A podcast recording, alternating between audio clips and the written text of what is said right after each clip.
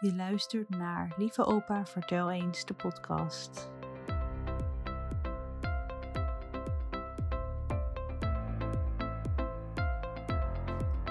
Allereerst wil ik mezelf graag even voorstellen.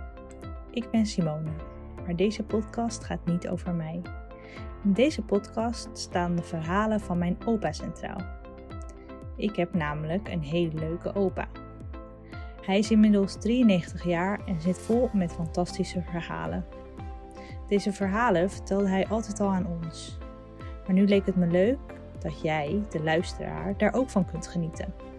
Ik ga nu dus geregeld bij hem langs om deze verhalen samen op te nemen. We proberen dit in chronologische volgorde te doen, maar in zijn enthousiasme lukt dat niet altijd.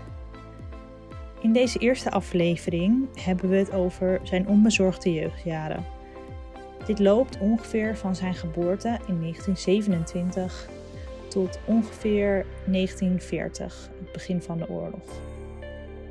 Dus, lieve opa, vertel eens over uw onbezorgde jeugdjaren.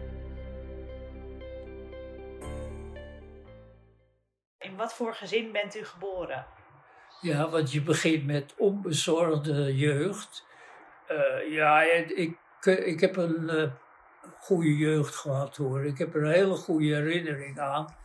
Maar uh, mijn vader was tweede koster in de Sint-Nicolaaskerk. En daar, daardoor kon hij ook begrafenissen verzorgen van parochianen die overleden. En dat heette dan aanspreker, heette dat vak. Dus begrafenisondernemer zou je nu zeggen. Ik was kinderen van de koster, uh, zo werd ik genoemd. Kind van de koster. Nou, dat van de koster, dat was voor mijn vader toch wel, uh, wel leuk, want er waren wel eens diners. Ja, en daar sprak hij over in de hongerwinter. Hè? Dan hoorde je wat hij dan allemaal, wat er allemaal ter tafel kwam. Het waren goede diners die de geestelijke daar uh, aten dan. En dan mocht hij daar uh, aan zitten. En waren kosten waren slecht betaald hoor, in de katholieke kerk. Een van die dingen die ook weer, uh, waarom wordt, werden ze zo slecht betaald? Ja, en de, de, verdiensten haalden ze dus uit. Er stond Soede en Jansen, dat waren kosters. En die namen begrafenissen aan. Ik heb hier nog een, uh, een draag. Dat zal ik, weet je niet wat dat is. Daar konden we soms mijn vader mee helpen. Het werk bestond hieruit dat hij eerst dan bij een dode in de buurt, in de straat, ging omroepen wie er gestorven was. En verder werd uh, de begrafenis door hem verzorgd. Dus uh, die mensen die kenden dus de kosten en die wisten dan dat er een goede begrafenis werd verzorgd. Hij deed het heel goed. Hij deed het heel goed. Terwijl hij zelf in een kartonnen doos naar het uh, graf is gebracht. Daar staat op in welke functie een van zijn medebroeders, want er waren meer kosters in de, in, de, en die waren allemaal begrafenisondernemer. En dan was er dus uh, wat ze mee moesten nemen als ze, als ze, als, er waren verschillende dingen, hè, want hij had zelfs uh, kokardes uh, als hij, en er waren mensen die als palfrenier achter op de koets moesten staan. Maar dan werd er op zo'n wat dit heette een draag. Wil jij die draag even wegbrengen? Vroeg mijn vader dan. En dan wist ik, dan kreeg ik het adres en dan ging ik met de tram ging ik daar een, een draag brengen. Want dan was er bijvoorbeeld iemand die alleen de kist moest dragen. Dan hoefde hij niet zo uh, goed. Maar datgene die... niet speciale kleren aan of zo? Ja, want mijn moeder heeft wel geholpen met het aanbrengen van die kokardes en zo. En de hoed en zo die hij had. Ja. En dan waar, waar de begraven werd, weet je wel. Dus dan wisten zij werd. Dit vulde hij dan in. Dan moest. dan moet ze vroeg hij op wijze weg wilde brengen. Ja. een draag. En waar heeft u dit dan van? Dat waren zijn, eh, dat Oh. is zijn administratie. Die werden dan gedrukt. Ja, zo, an- zo eh, anders dan dat nu allemaal Kijk, gaat. maar het is, eh, door dus deze vereniging werd het gedrukt. Nou ja. En dan konden ze die kopen en dan gebruiken. Ja, een heel andere wereld. ja. Mijn moeder, die is stevig bewaakt geweest, altijd door haar vader. En eh, ja, dat was eh, de strenge figuur in, in het gezin. Want als je straf van je moeder kreeg, wist je dat, dat, eh, dat die straf, die, dat die moest uitzitten. Mijn vader, die was dat dan onmiddellijk weer vergeten als hij de straf had uitgedeeld. Maar het was een gezin met zeven kinderen. Hè? En mijn vader had als geschenk nog in zijn eerste huwelijk twee kinderen meegenomen. Dus we waren met een heel groot gezin. Ja. Ja, want toen u geboren werd, eh, toen had u al een halfbroer en een halfzus. Ja, ja, En ehm, Want daarom ging ik die foto halen, weet je Ja, wel, ja. van de bruiloft van mijn eh, ouders. ja, waaraan is de, eh, de eh, eerste vrouw van uw eh, vader overleden? Weet u daar iets van? Of tuberculose of kanker, ik weet het niet. Maar die is jong gestorven. Ja. En hij had daar drie kinderen bij. Tenminste, ik, als ik, ik kan het niet meer nagaan, maar ik heb ooit gehoord dat het eerste kind zou doodgeboren zijn geweest. Dan Jan en dan Annie. Dat zijn dus de, de twee die bij de huwelijk van mijn ouders aanwezig waren. En dan een Marieke, die schijnt ook weer jong gestorven te zijn. Eh, dus mijn, va- eh, mijn vader die had dus twee kinderen toen hij eh, in het huwelijk trad met mijn moeder. En weet u waar uw ouders elkaar ontmoet hebben? Nou, ik denk gewoon ten huize van eh, mijn moeder, want hij, kende, want hij noemde, eh, voordat hij getrouwd was, noemde hij de moeder van mijn moeder, dus die noemde hij gewoon Daatje. Dus ik denk, want ik geloof dat hij zelfs nog opgeschreven heeft, ik heb nog met Daatje in bed gelegen of zo. Maar als kind dan of zo, dan denk ik. Hij eh, verschilde natuurlijk wel in leeftijd met eh, die mensen. Maar niet zo goed. Nee, niet zo heel veel. Nee. Nee, dus hij kende Hij was gewoon- 13 jaar ouder dan mijn moeder. Nee. Hij heeft ook een eerder aanzoek gedaan dat mijn moeder had afgewezen. Ja, dat was een jonge vrouw. En die zag er nou even niet zitten om een man met twee kinderen te huwen. Hè? Nee, nee. Maar na een tijd, ik geloof een aantal jaren, toen heeft hij een tweede aanzoek gedaan en daar is ze op ingegaan. Ja. Dat is het gezin. En daar was eh, de vader van uw moeder, dus eigenlijk uw opa, was, daar, was het daarmee eens dat zij eh, zouden trouwen, omdat hij zo eh, beschermend was natuurlijk. Hij, ja, als tweede koster van de kerk zal hij dat eh, wel goed gevonden hebben, want hij was roomser de paus. Mijn moeder die heeft niet zo'n leuke jeugd gehad volgens mij. Ze mocht niet dansen, mocht niet uit. Eh, Waar, waar, me- twee mensen dansen, de duivel tussen. Dat was zijn opvatting van eh, dat soort dingen. Ja, dus uw moeder was eigenlijk een onbeschreven blad. Ja, een onafgelikte boterham noemden ze dat. Ik heb een tante die in Limburg woont. Dat was de lelijkste zus van mijn moeder. Een beetje kromlopend, die zat in de zorg. Ze had ook hele gezond, gezondheidsprincipes. Ik moest ramenas eten als kind.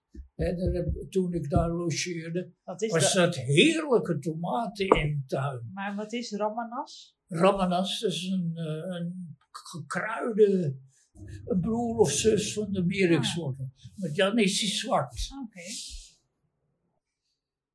En want hoe heette die zus van uw moeder? Tante Tonia. Tante Tonia. Het doet een beetje denken aan Tante Sidonia. ja, dat doet Ja. beetje aan denken. Ja, Want hoeveel eh, broers of zussen had uw moeder? ze had één broer. Ook daar, oh god, zo, daar heb ik ook weer een verhaal over. Die broer, die, dat wa- die, had ik al verteld, die was niet technisch, maar die had Ja. een, een eh, boekenwinkel. Nou, Hendrik van Veldeke heette die boekenwinkel. Was de eerste literator in de Nederlandse geschiedenis. Dat was de eerste, dus die boeken schreef, of die, eh, tenminste, dichter of zo. Zo heette die boekwinkel. Maar die oom Frans, die was getrouwd met een volle nicht van hem. En dan kon je bij sommige kinderen kon je dat wel merken. Die waren een beetje. En er was ook een Tonia. En die, die spoorde hem maar niet een beetje. En die woonde ook in, in Oebach over Worms in Wouwbach. Dus vlakbij de Duitse grens. En die hadden een kachel. En daar werd, daar werd een plak eh, werd er gestookt dat uit de mijnen kwam. En dat konden ze goedkoop kopen bij de mijnen. En dan konden ze brokkelen en dat werd dan in de kachel gestopt. Dat, eh, dat brandde goed. En, eh, maar hij heeft, eh, ze zijn op een gegeven moment tussen tafel en bed gescheiden. Hè? Want dat is, dat is wat er bij een katholiek hooguit mag gebeuren. Dus hij was een eh, alleenstaande. En eh, hij had een dochter. En hij had een paar zonen. En Tonia. Maar de oudste, die had dus een vriendin. En, Dus dat waren eigenlijk uw neefjes en nichtjes? ja, Ja. En met de oudste ervan, daar is hij toch een, eh, heeft hij een relatie mee gekregen, maar dat, dat heeft hij zoveel mogelijk geheim gehouden. Maar er waren wel mensen die dat ook dachten. Hij is kennelijk vroeger gestorven dan mijn opa, maar hij heeft ook de, zijn doodbed moeten zweren dat hij geen relatie had gehad met die vrouw.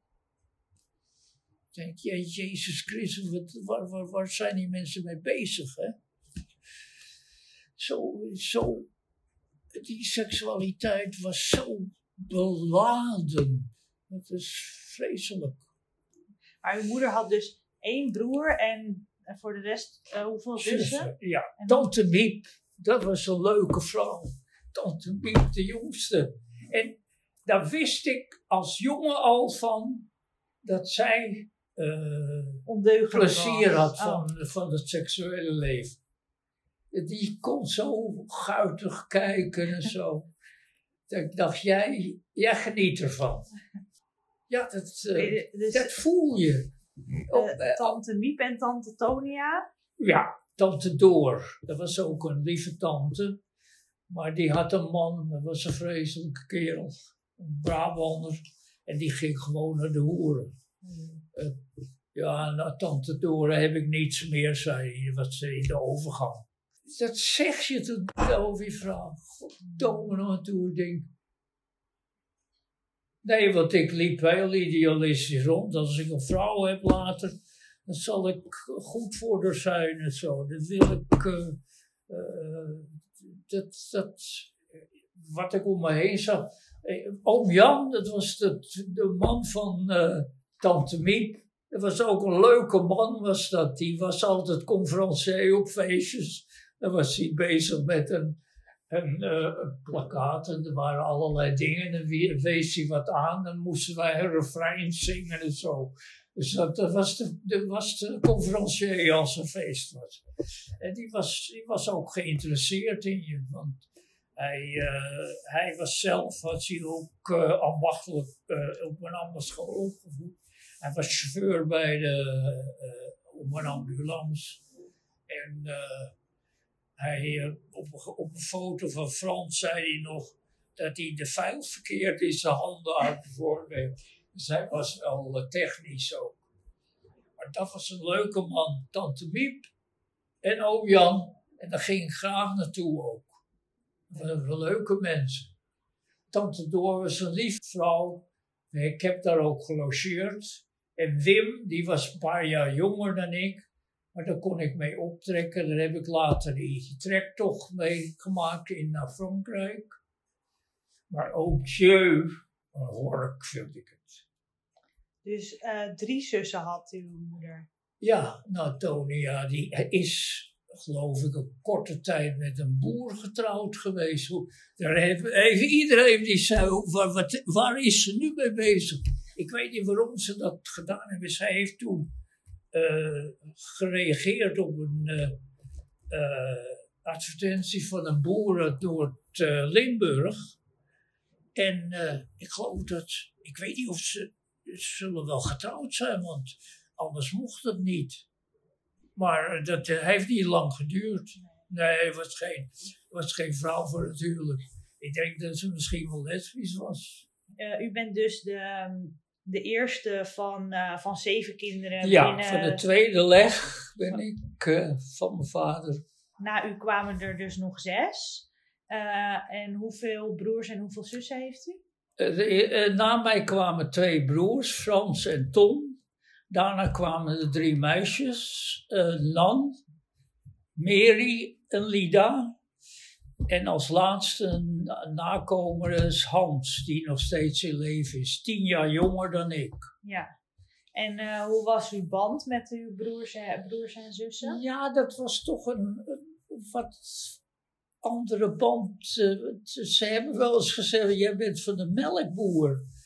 Uh, ik ging uh, studeren zo, weet je wel.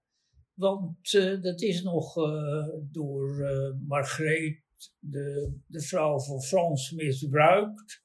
Want ja, jij mocht uh, studeren en Frans niet. Maar Frans en Tom, die gingen naar een ambachtschool. Die zijn automonteur geworden. Prima kerels die in, uh, hun handen konden gebruiken in de garage. Kan ik niet. en uh, ja, ik Frans en Tom, dat, dat was een koppel die, uh, nou ja goed, die werkte ook in dezelfde werkplaats. En die uh, hadden ook een speciale manier dat ze met elkaar omgingen. Ja, en ik viel daar een beetje buiten. Ik, uh, ik was met andere dingen bezig. Ja. Ja, en de meisjes die waren te jong natuurlijk. Eh, daar, daar heb je toch een andere band mee dan. Uh, ja. Want ja, je hebt geen broers. Hè, jij. Nee, ik heb geen Maar uh, met meisjes heb je natuurlijk een andere band. Ja. Ja, en Hans was veel te jong. Dat is een klein broertje. Ja. Dus ik, ja, ik, ik had ook ander soort vrienden dan mijn die ook wat meer uh, studeerde. En uh, ja. En ging u dan nog wel um, om met uw uh, halfbroer en halfzus? Nou, die waren op een gegeven moment wel de deur uit. Want in 1942 is Jan getrouwd. En Annie was ook de deur al uit. Die had een beetje ruzie met haar vader gekregen. En uh, die woonde op de Nassaukade, niet zo ver van ons vandaan. En ik verzorgde nog wel eens wat briefjes uh, heen en weer. Uh, Postillon d'amour. ja, en nou, dat is weer goed gekomen. Maar Annie is in 45 getrouwd. Dus die waren al het huis uit. Dus je was eigenlijk een beetje een uh, vreemde eend in de bijt uh, binnen het gezin. Nou ja, goed. In ieder geval, ik, uh, ik, ja, ik was iets anders, ja. ja. Nou, u bent in Amsterdam geboren, op de, in de Marnixstraat, toch? Ja. Maar daar heeft u niet, zelf niet lang gewoond? Nee, helemaal niet, nee. Maar zijn jullie binnen Amsterdam veel verhuisd vroeger? Marnixstraat, Haalmerhouttuinen, Oude Looienstraat. Nou, een paar keer. Het hield ook verband met het feit dat uh, in die tijd, als je een woning huurde, dat de eigenaar eerst uh, dat liet uh, behangen. Oh ja. Dan kon je het behangetje uitzoeken en dan werd het behangen. Ja, toen was de woning mooi. dat vond mijn vader wel handig, want die was ook net zo onhandig als ik ben. ja, want dat is ook het verschil. Die, die jongens waren technisch, ik, dat weet ik helemaal niet. Want die vriend van me, die Schouten, die zei... Als jij met techniek ja, je geld had moeten verdienen, dan had je dan eh, een zwerver geworden zijn. En kwam dan die, die technische kennis eigenlijk die uw broers hadden meer van uw moeders kant? Nou, dat was va- eh, dat gezin van mijn opa was, een, een- wa- was maar één zoon. En die was ook weer eh, meer met eh, literatuur bezig. Ja. Die had een boekenwinkel. Ja. Ik weet niet waar het vandaan komt, maar ze konden hun, ze konden hun vak doen. Want Frans, die dan niet had mogen studeren, volgens Margreet, zijn vrouw, die is, eh, werd later de expert op een bepaald type auto. Ah. Een Amerikaanse auto. Want als er iets met die- zo'n zo'n auto moest gebeuren, dan riepen ze hem erbij. En, eh, dus ik zei, stel je nou een wereld voor, zei, ik- heb ik tegen haar wel eens gezegd, zonder automonteurs. En is eh, op een ambachtschool dan niet een vorm van studie? U heeft natuurlijk al even gezegd eh, dat u uiteindelijk bent gaan eh, studeren, maar u ging natuurlijk eerst naar de lagere school. Ja, Was dat op loopafstand? Eh, hoe ja, ging, ja. En ja. ging u daar dan samen met uw broers en, eh, broers en zussen heen? Of, u was natuurlijk de oudste, dus moest u dan de roedel eh, leiden? Of, Ja, ik denk dat Frans en Tom, dus de automonteurs, dat ik die eh, wel, eh, want die meisjes gingen naar een andere school. Hè? En eh, oh, want het was echt een, eh, een gescheiden school. Een jongens- en een meisjesschool. ja, Ja. eh, katholieke scholen. Ik heb nooit met meisjes in de klas gezeten. Eh, Behalve toen ik de, de avond-HBS kwam. Er was een, eh, was een openbare, dat was helemaal niet religieus getint. En daar zaten ook vrouwen in de klas. Dus dat was voor mij wel nieuw. Ja. Ja, Nee, dat werd strikt gescheiden. Ja. Ja. Zelfs in het hoger onderwijs hoor. Want eh, er waren een paar eh, colleges, één da- in Amsterdam, eh, waar de meisjes studeerden en de jongens. En op straat dan zochten ze toch contact met elkaar. Maar op school waren ze gescheiden. Ja, ja, je weet nooit wat er gebeuren kan als er... eh, was u goed in school en vond u het leuk om naar school te gaan vroeger? Ik vond het heel leuk, ja. Ja, ik, ik ben altijd nieuwsgierig geweest.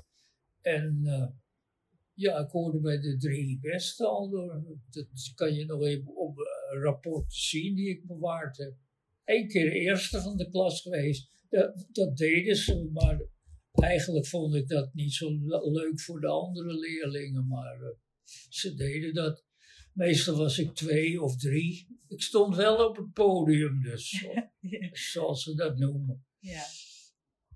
En had u dan een vak waar u echt in uitblonk en wat u heel erg leuk vond? Of was eigenlijk alles... eh, Nou, dat eh, is wel gebleken eigenlijk op het MULO-examen. Dat was aardrijkskunde en geschiedenis. Daar heb ik toen twee negens voor gehaald. Dat, eh, ja, dat vond ik, ja, die, die verre landen, dat, dat trok me al. Ja, nou, dat Eh, komt natuurlijk in uw latere leven sowieso eh, weer terug. En ook weer goed van pas dat u daar eh, goed in was. Ja, ja, tenminste, ja, ik Ja. wist waar ik heen ging. ja. Mm, En was het dan vroeger streng op school? Heeft u dat zo ervaren? Of, Nou, dat, dat was verschillend. Ik, in de Haarlemmerhouttuinen heb ik eh, vijf klassen doorlopen. Je had toen eh, zes klassen en daarna kon je eh, naar de middelbare school gaan. En de, de anderen konden een zevende leerjaar doen en dan gingen ze naar ambachtschool of zo. Dus ik heb vijf jaar op een school gezeten die was A en B. En waren, daar keek je een beetje op neer. Dat, dat, eh, dat heb ik achteraf zo raar, gevonden. Maar die kwamen uit armere, armere gezinnen dan bij ons was het dan nog redelijk eh, welvarend. Maar die, die kwamen echt uit ouder, eh, armere gezinnen. En daar heb ik dus vijf jaar op school gezeten. Dat, dat ging allemaal soepel. Maar toen kwam ik in de Oude Looijeszaal terecht. En toen ging ik naar een eh, burgerschool. Eh, dat was een school die ne- nergens bij hoorde. Dat was eh, wel een katholieke school. Maar mijn moeder heeft me nog speciaal onder, gewaarschuwd dat ik een beetje netjes me daar moest gedragen. Want het was eh, wel een school waar wat eh, meer, eh, ja, wat rijkere kinderen van op zaten. Maar dat was, dat was een chaos, was dat. Dat werd gevochten gewoon in de klas. Ik dacht, dat, dat, dat- wat is dat voor een raar ding? Er waren twee jongens, die hadden bijvoorbeeld, onze klassenleraar, die was mank. was een aardige man, want ik kon een heleboel vertellen. Want hij had het ook over politieke zaken, want de oorlog dreigde toen. En, eh, maar eh, er waren twee eh, lamstralen die, die ook weinig presteerden hoor. Dat zie je vaak als compensatie, denk ik. En die, eh, de een daagde de ander uit en dan werd er op een gegeven moment eh, gingen ze vechten met elkaar. En dan moest, ja, dan moest er iemand hulp eh, halen van, want ja, ik dacht, nou, burgerschool, die vorige school vond ik veel beter, Ja, veel ter- netter. terwijl u juist op het hart werd gedrukt Ja, om... ja, we- ja, wees een beetje net de jongen. Hè? Oh ja, man. Ja, Ja, ja. Nou, de klok gaat even. Ehm, nou, ehm, buiten school eh, had u natuurlijk eh, vrije tijd. Eh, wat deed u vroeger in uw vrije oh, tijd? ja. Ik had ook speciale spelletjes die anderen niet deden. Ik had toen al belangstelling voor wielrennen en ik knipte foto's uit in de krant. Want ik was al heel vroeg geïnteresseerd in de Tour de France. Dat, omdat eh, dat trekt eh, kennelijk, heeft altijd ook iedereen getrokken. Hè? Het is zo'n groot spektakel eigenlijk, al vanaf, vanaf het begin. En dan eh, knipte ik die plaatjes uit. En er waren de, in Oude Looistraat waar we wonen, waren twee verdiepingen. Het ene was het woongedeelte en op bovengede- eh, boven waar konden de kinderen slapen. Er waren twee kamertjes met een halletje. En daar sliepen de kinderen. De meisjes links, de jongens rechts. Of andersom. Nou ja, goed. De jongens gescheiden van de meisjes uiteraard. En eh, dan wa- was dus een trap. En dan ging ik met die plaatjes en gooide ik ze omhoog. Er was dan zo'n bergetappe die die plaatjes moest halen. en, de trap eh, was de berg. ja. En ik had ook met voetbalclubs eh, had ik iets eh, ontworpen voor mezelf. En daar waren ook dan, hoe ik die uitslagen de, tevoorschijn haalde, weet ik niet. Maar dat waren vooral Engelse clubs. En die probeerde ik ook te- uit te spreken. Hè? En Wolverhampton Wanderers of zo. Dat blijkt dan Wolf, Wolverhampton Wanderers. Eh, maar ik, dat vond ik al heel interessant. Dus ik kan wel nagaan. Ik had daar belangstelling voor. En eh, dat, dat heb ik bij de andere kinderen heb ik nooit ontdekt. Dat ze daar nou erg veel belangstelling voor hadden. Want ik geloof niet dat een van de anderen een andere taal sprak. En uh, ja, god, dat, uh, dat, vond ik zo mooi. Dat, uh, en Leicester City, en dan spreek je dus uit als Leicester. Leicester City en zo. Maar was er dan iemand die u daarmee kon helpen? Nee, dat deed ik zelf.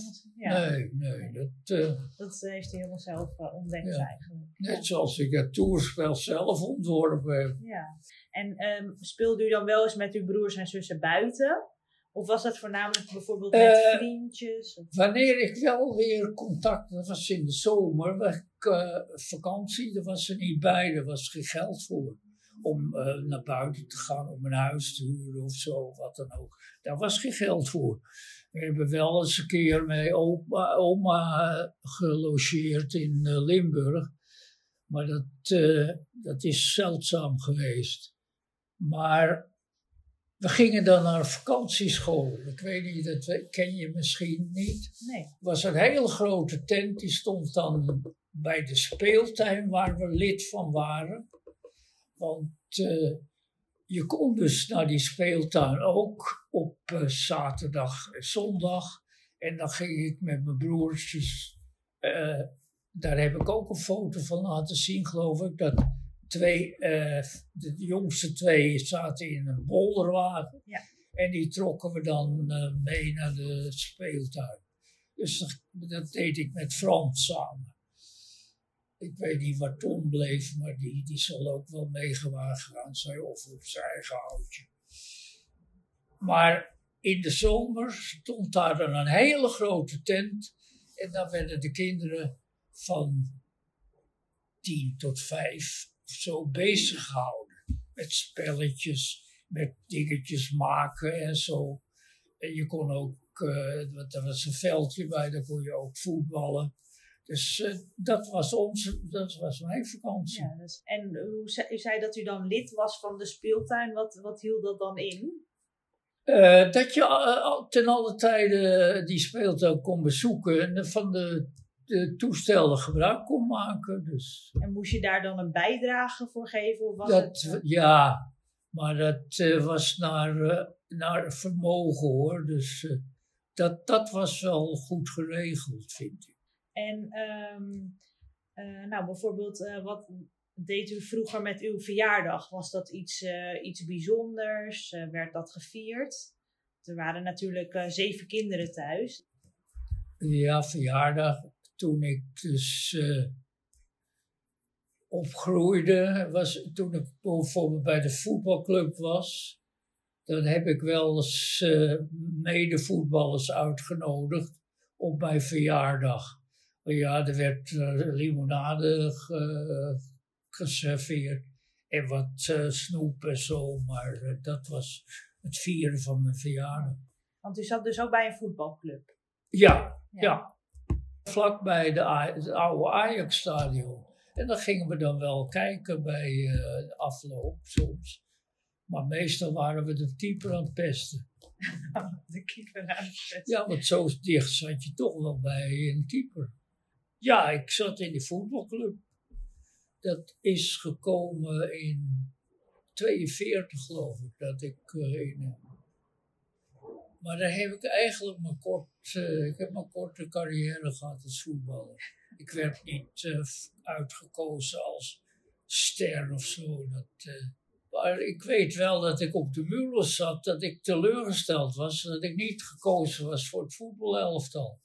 Maar ja, goed, ik was, als je dan die foto's weer ziet van, dan denk ik, ja, ik kan me voorstellen dat ik was een iel mannetje eigenlijk nog. En uh, die wordt zo ondersteboven gelopen. Hè? Want ik was uh, in de voetbalclub, was ik rechtsbuiten. En uh, ja, die termen zijn er nu niet meer. En rechtshalf. Dat is een middenlinie en daar waren drie. Wat vroeger waren de aanvallers, die waren er vijf. Nu staan er vijf in de verdediging. En hadden jullie vroeger thuis huisdieren? Oh, zolang Annie in huis is. Ja, Annie uh, had altijd honden. Uh, Herta, dat weet ik, dat was een hele lieve hond. Een, een herder. En, want die is op een gegeven moment doodgegaan. En toen heb ik gevraagd waar die begraven was. Toen hebben ze gezegd, ja, die hebben we in het Westerpark begraven. Maar dat, eh, die hebben ze naar de destructie gebracht, hè, want eh, dat wordt niet gedaan. Maar Herta, dat was een hele lieve hond. En mijn moeder heeft wel ook, er was een terrier, dat was een felle hond. Ja, want dat verdragen ze me nog na natuurlijk. En dat is ook, dat had ik niet moeten doen. Maar als ik dan wegging en ik deed de klop beetje, en dan sprong dat beest aan de andere kant. Nou, ja, Gewoon naar de deur klinken. ja, de deur klinken zo. Dus, en dus je zei dat jij hebt hem vals gemaakt. Ik zei, ja, dat, dat- sorry hoor, maar eh, ik vond het leuk. Ja, dat was, had ik eigenlijk niet moeten doen. Nee, dat zijn de dingen waar ik spijt van heb. Ja, want het was een vechtersbaas hoor, dat hondje. Want aan de overkant was het Cho-Cho, dat is de grote, beetje grotere hond. En eh, die was ook sterker, maar hij ging uit. En hij kwam een keer, wat had hij behoorlijke bloedende wond hoor. Dat die, eh, die moest dan verzorgd worden. Ja. Maar uw zus was dus eigenlijk degene die, eh, die zich bezig hield met, met de honden bij jullie thuis. Ja, die, eh, ze heeft altijd een hond gehad. Toen ze later eh, zelfstandig werd, hè, eh, heeft ze ook altijd een hond gehad. Nou ja, zodra natuurlijk de oorlog een beetje dreigde, dan verandert dat natuurlijk wel heel erg de, sowieso de sfeer, denk ik, die, ja. Ja, die die tijd heeft gehad. ja. Ja, want toen had ik ook al belangstelling voor politiek. Hè? Nee, eh, nog een leuke anekdote over mijn broers. Ho- Hoe verschillend zij ook leefden. Hè? Want ja, die hadden eh, beho- behoorlijk vuile handen. Hè? En dan eh, hadden ze op de werkplaats hadden ze hun handen al gewassen. Maar als ze dan thuis kwamen, dan gingen ze om de beurt, gingen ze bij de, de gootsteen nog eens heel goed hun handen wassen. Want na afloop van het eten, dan gingen zij met z'n tweeën gingen ze naar Tuschinski, naar de eh, bioscoop, naar de film. Terwijl ik eh, meestal dan weer eh, bezig was met, met boeken om verder te leren. Maar dan zaten ze ook als prinsen zaten ze in thuis, zoals eh, die zo. eh, en dan wachten ze daar op het eten dan, eh, voordat het opgediend werd. En dan gingen ze naar Tuschinski. En dan haalde, heb ik de grap een keer uitgehaald. Ik zei, ja, ik zei, kleden jullie een beetje netjes aan, want ik heb gehoord dat jullie gehuldigd worden, omdat jullie voor de honderdste keer bij Tuschinski zijn. ja, ja dat, dat zijn al van die geintjes die, die je wel kent. Hè, van, eh, ja. Nee, maar dan stonden ze goed, eh, stonden ze hun handen te wassen. Ja. Ja, Frans en Tom, die waren. Terwijl ik eh, op het laatst eh, Frans, die, de, de, ja, daar ben ik vervreemd eh, door geraakt. Hè, door Margreet.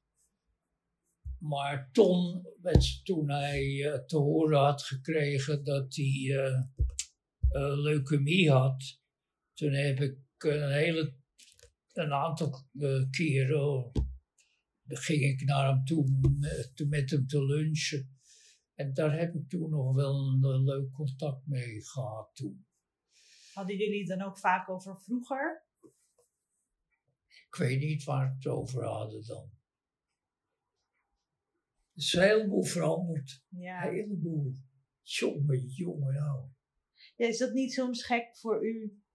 Nou, omdat u dat eigenlijk allemaal heeft meegemaakt. Ja, Want in de tijd natuurlijk dat u jong was, eigenlijk was er heel veel wat er nu is, was er nog helemaal niet. zoals. Internet, eh Oh ja, computers. ja, goed. En hoe, to- toen ging het natuurlijk allemaal veel meer analoog, om maar zo te zeggen. Ja. Dat, dat er heel, ja, Schrijven. ja. Eh, typen eh, heb, ik- ik op een gegeven moment ook geleerd natuurlijk. Ja, op een Maar typemachine. eh, het was wel rustiger, vind ik.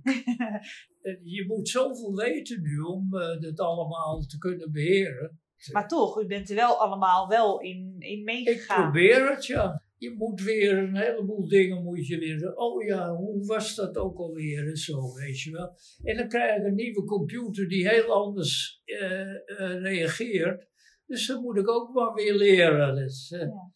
Maar goed, ik heb een paar mensen om me heen die er me dan eh, mee helpen. Maar goed, als ik het dan weer een beetje weet, dan kan ik me. Ja, maar u bent er toch wel mooi eh, zo in, in meegegaan. Maar ja, ook bijvoorbeeld toen u klein was, was het qua verkeer natuurlijk veel rustiger. Ik heb op straat gespeeld. Ja. Rustig.